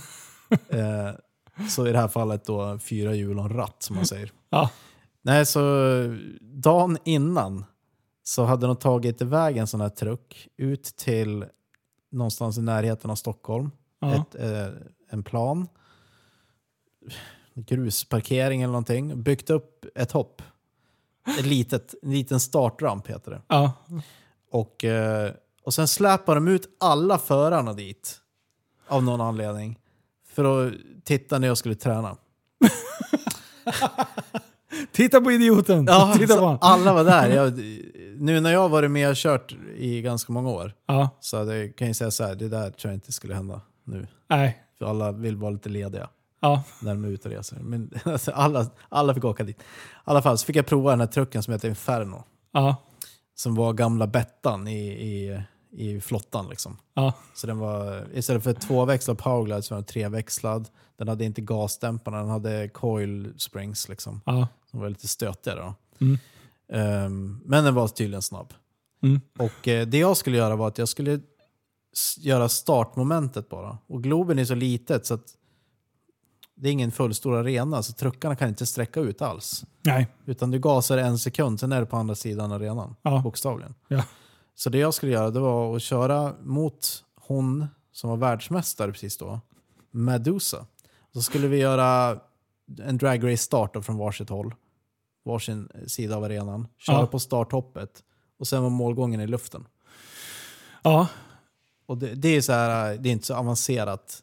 Du behöver bara bestämma dig för att du ska göra det. ja, Och sen plockar du alla tre växlarna och sen hoppar du. ja. Det är så enkelt bara. Ja, det kan man säga. I det, i det läget är det det. Du får det att låta så enkelt. Ja, men så här, om, du, om du släpper gasen ens lite grann när du är på väg upp för hoppet. Då De lägger du ner en nosdyker. nos. Ja. Ja. det, alltså direkt bara. Ja, De vill dyka nämligen, så du måste gasa en plan. Liksom. okej. Ja, men så då vart det en grej av det. så här. Ja, men det kommer funka imorgon. Ja, men då är du med. Hur ska vi göra det här då? Började de diskutera. Då vart det beslutet att Medusa skulle gå ut på golvet så här och börja tjafsa med publiken. Okej. Bara, Stockholm, ni tror att ni är så tuffa liksom. Där. Och så bara, men jag utmanar er då. Kom ner och kör om ni törs. Är det någon som törs vara med typ? Ja. Eh, och då skulle jag ju sitta där då i overall på läktaren med en mick. Ja. Och bara vänta en stund och så kom det en lampa då till slut. Så bara, ja men jag, jag kan vara med. alltså. ja men kom ner då. Ja så springer ner och så gjorde vi den här grejen. Ja. Ja, så det var det. Sen var det inget mer. Eh, och det här var ett runt 2005 tror jag. Ja. Sen 2008 så ringer de så här, du vi ska ha en pressgrej i Stockholm. Mm. Kan du köra Gravedigger lite grann och visa? För att vi kan inte flyga någon förare nu, eller vill inte, eller vad det var. Ja. Men trucken är där. Så då var det någonstans inne i centrala Stockholm så hade de någon fotbollsplan eller något. Mm. Och så skulle jag köra runt den bara lite grann. Inget speciellt, inga hopp, ingenting. Bara köra runt den. Ja. Ja visst, åkte och gjorde det. Sen var det inget mer fram till 2014. Nej. Ringer de? Ja du, vi har, vi har en tanke här att vi ska eh, ha en lokal förare i en hel föreställning. Och du har ju varit med lite grann. Mm. Du kan ju det. Du är ja, proffs nu. Ja, men du, har ju, varit- du, du, du vet, i USA så är det så här, klarar du eller klarar du inte? Ja. Jag har kört två små uppdrag och det jag klarade det. Så att Ja. då klarade jag det. Ja, då Ja. kan du köra vad som helst. Nej men eh, typ, har han vad som krävs eller inte? Ja, Ja, han har precis. fixat det. Ja, men då. Så när de skulle välja en lokal marknad och prova Mm. att ha en lokal förare en hel föreställning någonstans i världen. Så var det den där killen i Sverige då. Ja. Fan, kul ju. Ja. Ja. ja, så då eh, gjorde de det och sen hade de en lokal tematruck dessutom. Ja. Så det var Escalade kaross med uh, The Mauler. Alexander Ah, Gustafsson. coolt. Ja, just det, det var ju då, en ja. titelmatch han skulle Det är ha. så ja. Eh, så det var 2014 och då fick jag åka över till USA och köra ett par dagar träning. Liksom. Mm. Då skulle de också bedöma om jag kunde vara med. För normalt sett så är du uppvuxen med det där. Precis som kör du racerbil, kanske börjar karting och du vet, gjort allt det där. Ja. Mm. Ja, så första hoppet jag gjorde så eh, tappade jag andan, kommer jag ihåg. Andra hoppet svimmade jag. Nej. Jo, jag vaknade efter ett par sekunder liksom och satt i en truck och den rullade. Ja. Vad fan har hänt? Och sen senare den dagen så eh, landade jag så det bara sprakade till i ryggen. Och så fick jag avbryta och så fick jag hitta tag på en naprapat bara för att försöka rätta till det så jag kunde köra nästa dag. Så började det. Eh, Men, för- men det här, nu, Ja. det här är så jävla fascinerande. Eh, för att komma i och ur de där rackarna, klättrar man liksom under chassit? Eller Ja. det finns vissa som lyfter va? eh, förr. Förr? Okej. Nu klättrar jag under chassit. Ja. Det är ett hål i... Det är en rörram. Ja. Så det är en tävlingsbil med glasfiberkaross kan man säga. ja, precis. Så det är ett fackverk, så det går även att klättra där. Hur, eh, och sen så klättrar du i, hur ser säkerheten ut i de där? Ja, all säkerhet. Ehm, så du, förarcellen så att säga är inte speciellt stor. Och det är ju... En truck väger 5,5 ton. Ja. Shit. Mycket vikt i hjul och sånt såklart. Mm. Men annars är ramen jättebiffig. Ja. Så du kan ju landa den där från ganska många meter på taket utan att eh, chassit ger sig. Ja. Och det där har ju vuxit fram i decennier, hur de ska bygga dem. Mm. Så de är väldigt säkra så att säga, för föraren. Mm. Sen kan du göra illa det för att det är hårdhänt. Liksom. Ja. Sen sitter du i en Nascar-stol. Det betyder att stolen har en inbyggd revbensväst som håller om dig. Mm. Så du vrider in kroppen i den. Sen trycker man tillbaka hjälmen i öronen så att säga på stolen. Mm. Och stolen i sig är bultad i ramen. Så den är helt stum. Och den har ett externt aluminiumskelett. Mm. Så den kan inte böja sig. Det är inte som en sån här Fia-stol vi har i tävlingsbilar i Sverige. Eller Europa, att du kan böja dem lite grann. Nej, den här Den är är solid liksom. Och det gör ju att bältena inte kan släppa eller dras åt när du krockar. Nej. Utan de sitter, allt, allt är stumt. Sen spänner du midjebältet med spärrskaft.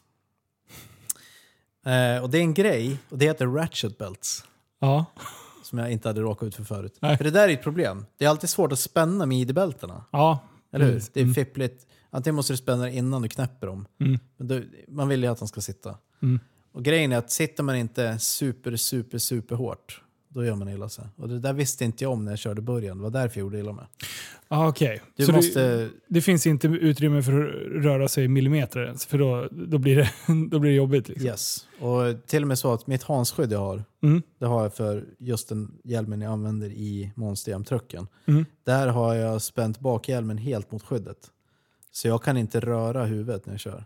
Okej, du, du ser bara det du ser precis rakt fram. Liksom. Ja, och sen man, stora öron på... man sitter så här med och vrider ögonen. ja. Eh, därför att kan man röra sig ens lite grann, då får du otroligt ont i huvudet. Ja. För när du landar så stutt, alltså den kastar dig som en liten trasdocka. Ja. Eh, bara, det, och det där går inte ens att beskriva, men det, det ser mjukt och fint ut när man kör, men det är fullständigt Kaos. kaos. Ja. Kör man över en skarvsladd med en sån där så studsar den. Ah. Och när du då landar den från eh, sex meter, liksom, vilket är landa, du ramlar ju ner, Ja. så hamnar du där du hamnar. Ja. Det bara smäller till. Och jag har gjort så att min stol, de här revbensgrejerna som går runt, som håller i en. Jag har gjort så att jag sitter så att de går precis under mina armhålor så att säga. Så att när jag landar så åker kroppen ihop men den, jag hänger på dem. Ah. Så då sträcker det ryggen. skönt. Mm. Ja, men jag blir, ju- jag blir alltid gul och blå Ja. eh, under armarna. Ja. Men jag gör inte illa mig. På samma sätt så har jag hanskyddet, men jag har också en nackkrage. För hjälmen när man landar blir jättetung. Så jag måste hålla upp den separat, annars så knäcker jag till rygg och nacke. Så jag, jag, jag har fått ner det till en exakt konst hur jag ska spänna fast mig. Ja. Och det tar liksom, det tar en stund. Och, Man och, ser ju ingenting heller och det är ju själv där. Alltså hybridskyddet, första gången jag skulle köra med det. Jag, fick ju panik av att jag inte kunde röra mig. Jag, bara, bara så här, jag stannade biljäveln, och det här var i depån, innan man började köra. Det är så jävla obehagligt att sitta riktigt, riktigt fast. Och då kan jag tänka mig att jag, menar, jag kan ju fortfarande andas. Så, och sitta i en monster truck där du liksom spärrskaftar fast dig. Eh, för det märker man ju när man har kört några varv. Man drar åt så man bara, nu får jag inte luft. Och sen när man har kört något varv, då kan man ju efterdra Ja, lite till. Liksom. Exakt. Sen ut på rakorna, då bara... Och så, och så, men när man kör är det inga konstigheter. Men det är bra att du gör det också. För jag har alltid spänt fast mig ganska hårt, men jag har inte vetat vad hårt är innan jag började med det där. Ja, För det minsta lilla man lyfter från stolen om det blir en olycka, ja, det är när det slår ner i den som... Alltså när bilen följer efter liksom. Ja. Så att säga. Det är det som gör att man bryter grejer. ah, Så okej. sitt, det ska göra lite ont ja. och, när man spänner fast sig, för då gör det inte ont sen så att säga. Men borde du inte få blodstopp i benen? Ja. Eh, men... jo. Jo, det är korrekt. Eh, när man kör racingdelen som är det första man gör på kvällen, Ja, då vet man att jag kör bara på startrampen så det blir en klotning i värsta fall. ja. Jag kommer inte ramla ner från sex meter. Ah, okej. Eh, så då spänner jag fast mig det jag skulle kalla för moderat. Ja, Lite lagom. lite lagom. Ja. Det vill säga rätt jävla hårt, men inte galet. Eh, och sen är det two wheel skills, ja det är samma där, du kommer inte göra några jättegrejer. Kanske man kör donuts-tävling, Mm. det är fine. Sen kommer freestyle. Då ska vi flyga. Så helst så kliv inte ur bilen mellan det vi har gjort innan och freestyle. Kom ihåg, det är bara en truck på banan i taget för det mesta man gör. Ja. Så du sitter mest och väntar. Även om det händer någonting hela tiden för den som där tittar, så kör du ganska sällan. Ja. Du kör bara 10-15 sekunder då och då. Ja. Förutom när freestyle kör två minuter och då är det vansinne. Och, och då är det ju här att man skakar ju ner sig i stolen och hamnar på plats mer. Ja. Även i de där stolarna till viss del. Så då vill inte jag spänna upp helt mellan sista momentet och freestyle. Sen när det blir freestyle då spänner jag precis när de har sagt mitt namn och satt igång låten. Mm. Då går jag på de sista klickarna på den här ratchetbälten. Ja. Och då vill jag helst känna att bök- bäcknet böjer sig. Liksom. Ja. Det är känslan jag vill ha. Och sen att jag bara kan ta halva andetag. Mm. Så det är måttstocken. För då, kan jag, då vet jag att jag kan köra två minuter. Mm. Eh, spänner jag mer, då får jag inte luft. Nej, då, Så då- kör du bara 30 sekunder. Ja, och sen jag, man blir fan fodd. Full liksom. gas är på läktaren. Ja. ja, men så, så har jag gjort. Så Ja. säkerheten, det är ju säkerheten i trucken så att säga. Så man sitter, tack vare hur man sitter och hur skyddad man är, så Mm. är det väldigt säkert ställe att vara på. Men det är ju som att vara stuntförare. ja. Sen när det gäller publik och sånt där så har man runt arenan alltid fyra stycken personer som är safety marshals med en walkie-talkie. Mm. Den är eh, kopplad till bilens tändbox. Så om någon trycker på Ah. walkie-talkie-knappen Då dödar man bi- bilen. Då dödar bilen. Och sen har de tre kanaler. Så du är höger, vänster eller mitten. Ja. Eh, så är det två truckar samtidigt på banan. Då är Mm. en höger än vänster. Eh, och är det så att ni kör racing och man ska köra av banan och slår man till centerkanalen när man har precis kört klart. Mm. Så kan de döda de andra. Okej. Eh, så det betyder att ifall det händer någonting, du får gashäng Mm. som du inte kan göra något åt. Eller att du svimmar till exempel. Eller blir disorienterad, för det kan man bli också. Ja. Då kan de bara skjuta av den där. Jag har blivit, smart, jag har blivit alltså. nedstängd flera gånger. Och tack vare hur drevningen är på dem, och de har planetdrev i hubbarna och sånt där. Ja. Så det är som att bromsa. Ja. Så den stannar på en gång. Är- jag kan tänka mig att det är lite, lite motorbromsar i de där Ja. motorerna. Hur mycket levererar en sån där motor? 1500 exakt. 1500? Eh, så det är en... Eh, det är typ en GM 540. Ja. Vad det nu blir, 9 liter kanske. Mm. Eh, med eh, en kompressor. Och så går den på metanol. ja. Och så varvar de drygt 8000. Fan, det är ganska mycket ändå. Det är racemotor. Ja. Det är ursprungligen för båtracing tror jag, den applikationen. Ja. Sen är den konverterad med du vet, sådana här s- torrsumpar för flygplan. Så Mm. att du kan ju köra den upp och ner. Ja, okej. Eftersom man ganska ofta är konstiga vinklar. ja, Så att den inte ska få slut på olja. Så motorn är rejält häftig och de kan köra jag tror 20 timmar drygt på motorn. Ja. Och varje truck alltså kör kanske max, absolut max 4 till 5 minuter på en helg. På en helg. Ja. Så du kör en säsong liksom Ja. och kanske mer beroende på. Fy fan vad coolt. Ja, ja, det där var, det var coolt att få lite, eh, lite inside info. För, för det där har jag funderat på. Hur överlever de i den där? Jag satt och funderade på om man liksom hade det att liksom själva kupén på något sätt var typ gasdämpad. Ja. Alltså för, för nu flyger alltså det är så högt ibland som man bara tänker att det där, det där är omöjligt. Speciellt när de landar på taket. Liksom. Ja, det är inte bra. Nej. Men, men eh, man kan ju tänka sig, jag trodde ju också att eh, ja, men det måste vara som på en lastbil, liksom, att stolen är Ja. fjädrad på något vis. Ja, varför precis. inte? Svaret på varför inte är för att det är tävling, det är race och du, du får ingen känsla om det och så. Det är Nej. svaret jag har fått. Ja. Jag ställer ju den frågan, var, varför, varför inte? Så man borde ha en bil som är anpassad för freestyle-grejen bara. Då ska Ja. man hänga i gummisnoddar där inne. Liksom. Apropå setup, man ändrar setupen på truckarna mellan eventen. Eller mellan, kö- mellan eh, segmenten. Alltså själva mappningarna? Då, Nej, eller? mappningen är samma. Men eh, du ändrar eh, lufttryck och eh, dämpare. till Ah, ja, exempel. okej. Ja, det fattar jag. Ja. Mm. Så, och det gör man, och ibland efter underlaget också, för att leran är olika klibbig.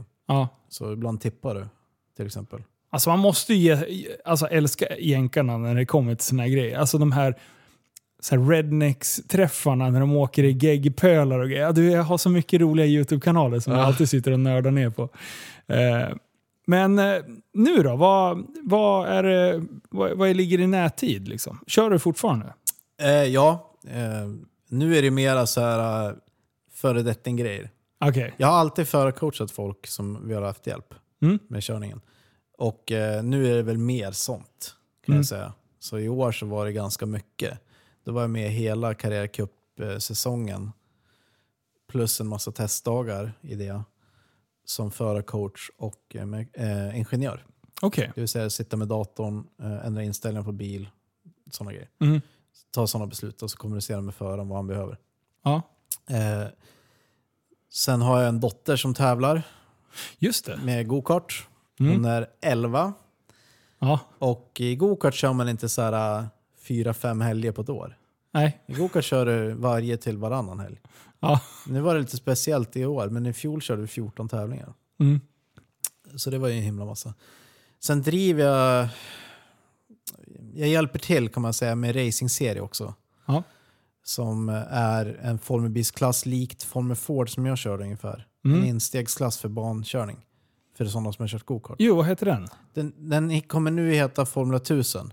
Den har hetat Akila Synnergy Cup. Så heter det? Ja. Ja. Mm. Jag har sett eh, bilarna på GTR. Jajamän, Mm. det står den där nu faktiskt. Gör det? Ja, det är det. Vad coolt. Eh, så den kommer vara där nästa år också. Wink wink. Ja. Det är nära, nära bra. Jag kom på att vi inte pratade klart om rallycrossen. Nej, tillbaks till eh, den märkliga historien. Ja. Så, ja, vi vet ju nu hur det gick till med eh, Monster. Det var ju Ja. märkligt. Ja, det- Det här är ännu märkligare. Så jag hade ett racingteam i Sverige under fem säsonger kanske. ja. Som hette DMS. Mm. Och eh, det var stort bitvis. Vi hade 40, drygt 40 personer på racehelgerna. Och sen var vi fem heltid. Ja. Tävlade STCC, JTCC, Commodore Cup, kort session i Pro Superbike och Porsche Carrera Cup. Ja. Körde vi mycket. Coolt. Och när vi skulle köra STCC så satte vi ut en annons på Race Cars Direct Mm. och sa att vi söker en ingenjör med erfarenhet av de här bilarna. Mm. Det vill säga någon som vet hur man ska ställa in dem, hur man ska sköta om dem och preparera dem. Ja. Då fick vi några svar, bland annat från en person som heter Gary Robertshaw. Mm. Och hans, jag skojar inte, det, det här, för det kan jag inte glömma. Liksom. Nej. Det började så här, Hi, my name is Gary and I'm very smart. Åh, vilket geni! Jag Va? älskar det. Bara, Han var ju det säkert Jaha. det också. antingen så är han väldigt smart, eller så ljuger han jättemycket. Ja. Eller hur? Ja. Och så listan, ja, jag har gjort det här, jobbat med fabriksteamet Seat Leon och det är sådana bilar ni har. Mm. Jobbat med det i England och internationellt. Har jobbat med Honda också i BTCC. Ja. Bla, bla, bla, bla. Här är lite kontakter med folk som jag tror du känner.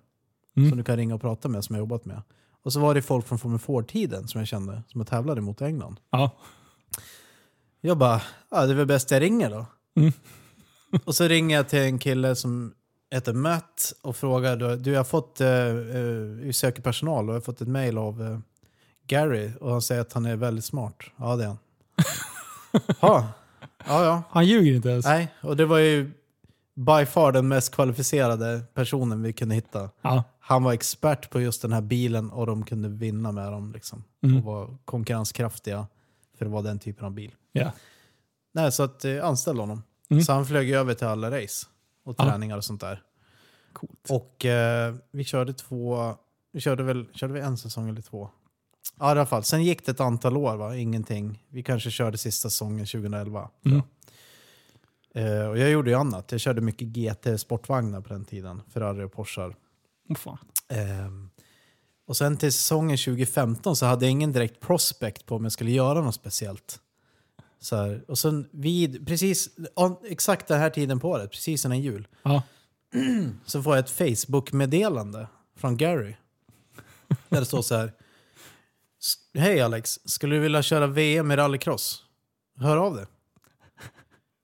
Bara, Nej, nu är han full Alltså, igen. typ. ja, Gary, han är ganska rak på saker.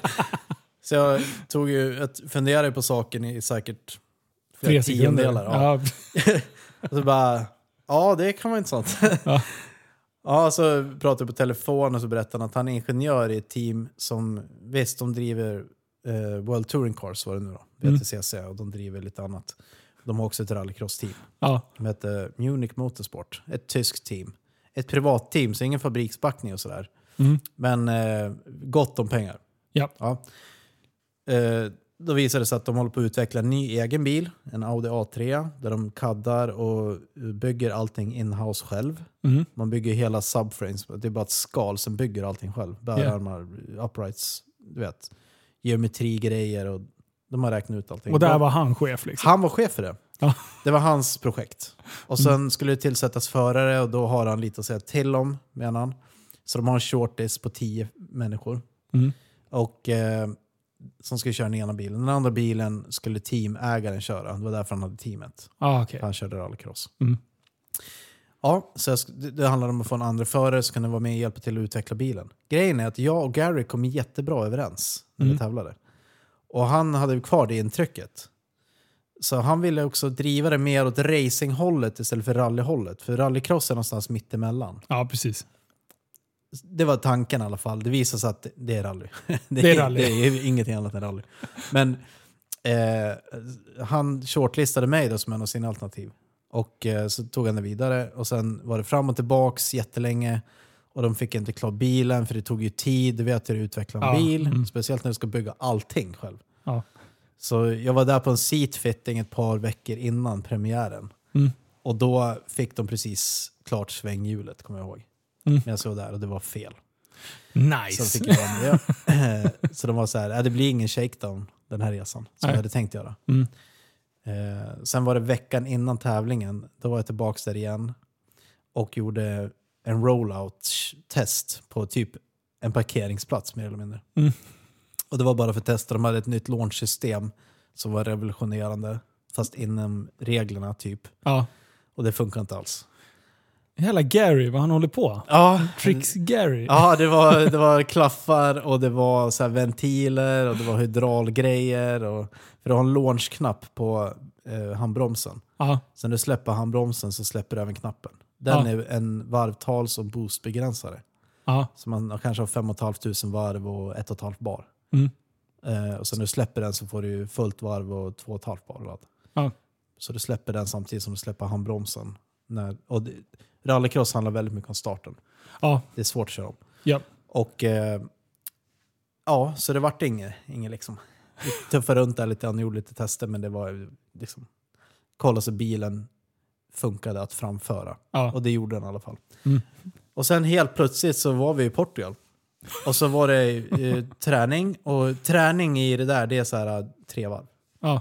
Och sen får du tre varv till kanske. Så du hade inte kört någonting sånt innan? Noll.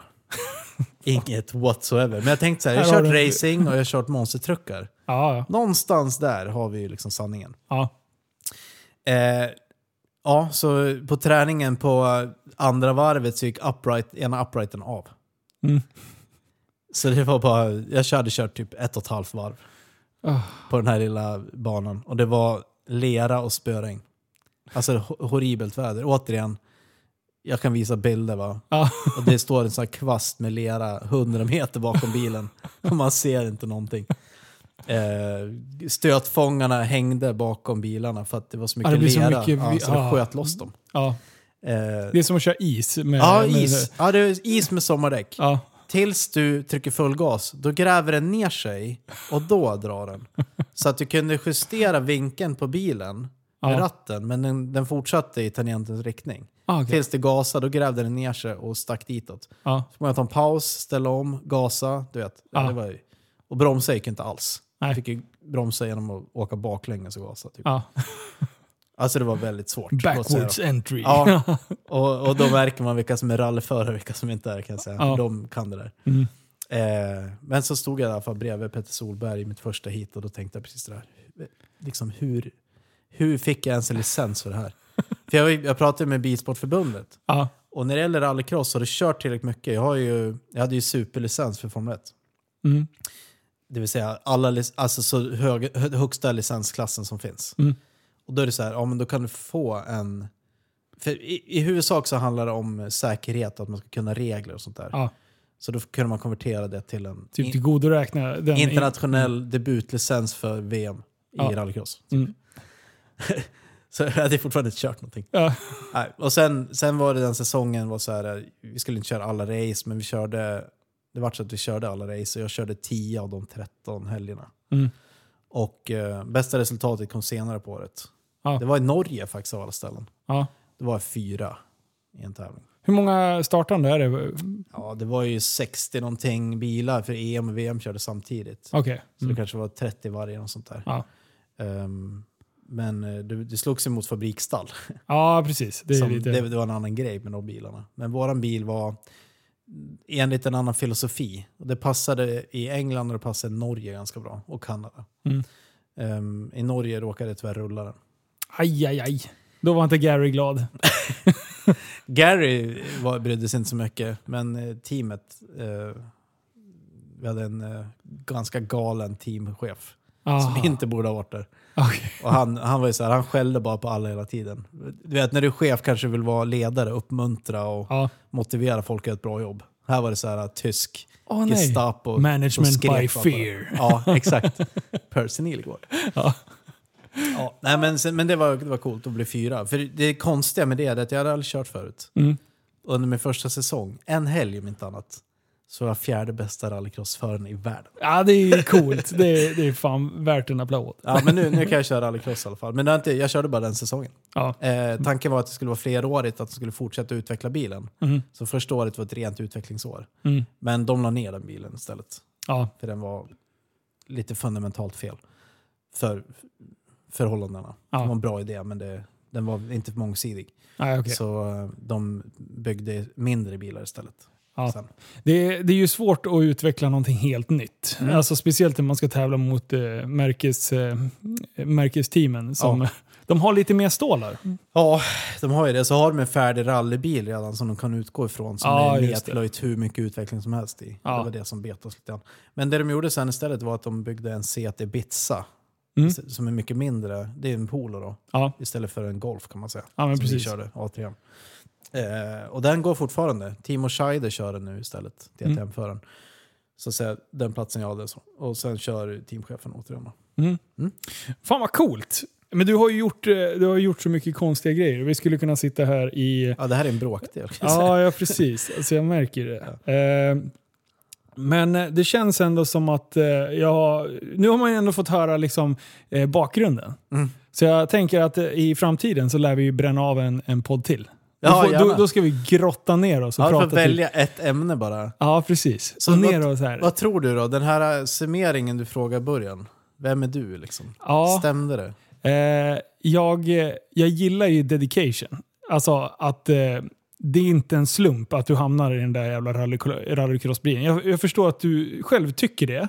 För det är ju slumpartat. Men det säger en hel del om hur du funkar som person. För det är samma sak som en annan. Jag, jag, så här, det finns ju ett skäl till varför jag gör vissa saker. Jag tycker också så här, men jag hade bara tur. Men till slut så blir det så här, du kan inte ha så mycket konstig tur. Alltså, då gör du ju ett jävligt bra intryck när du kör den här eh, monstertrucken. Så att folk kommer ihåg dig och att du är professionell och liksom du, ja, du, du, du lämnar ju någon sorts avtryck. Liksom.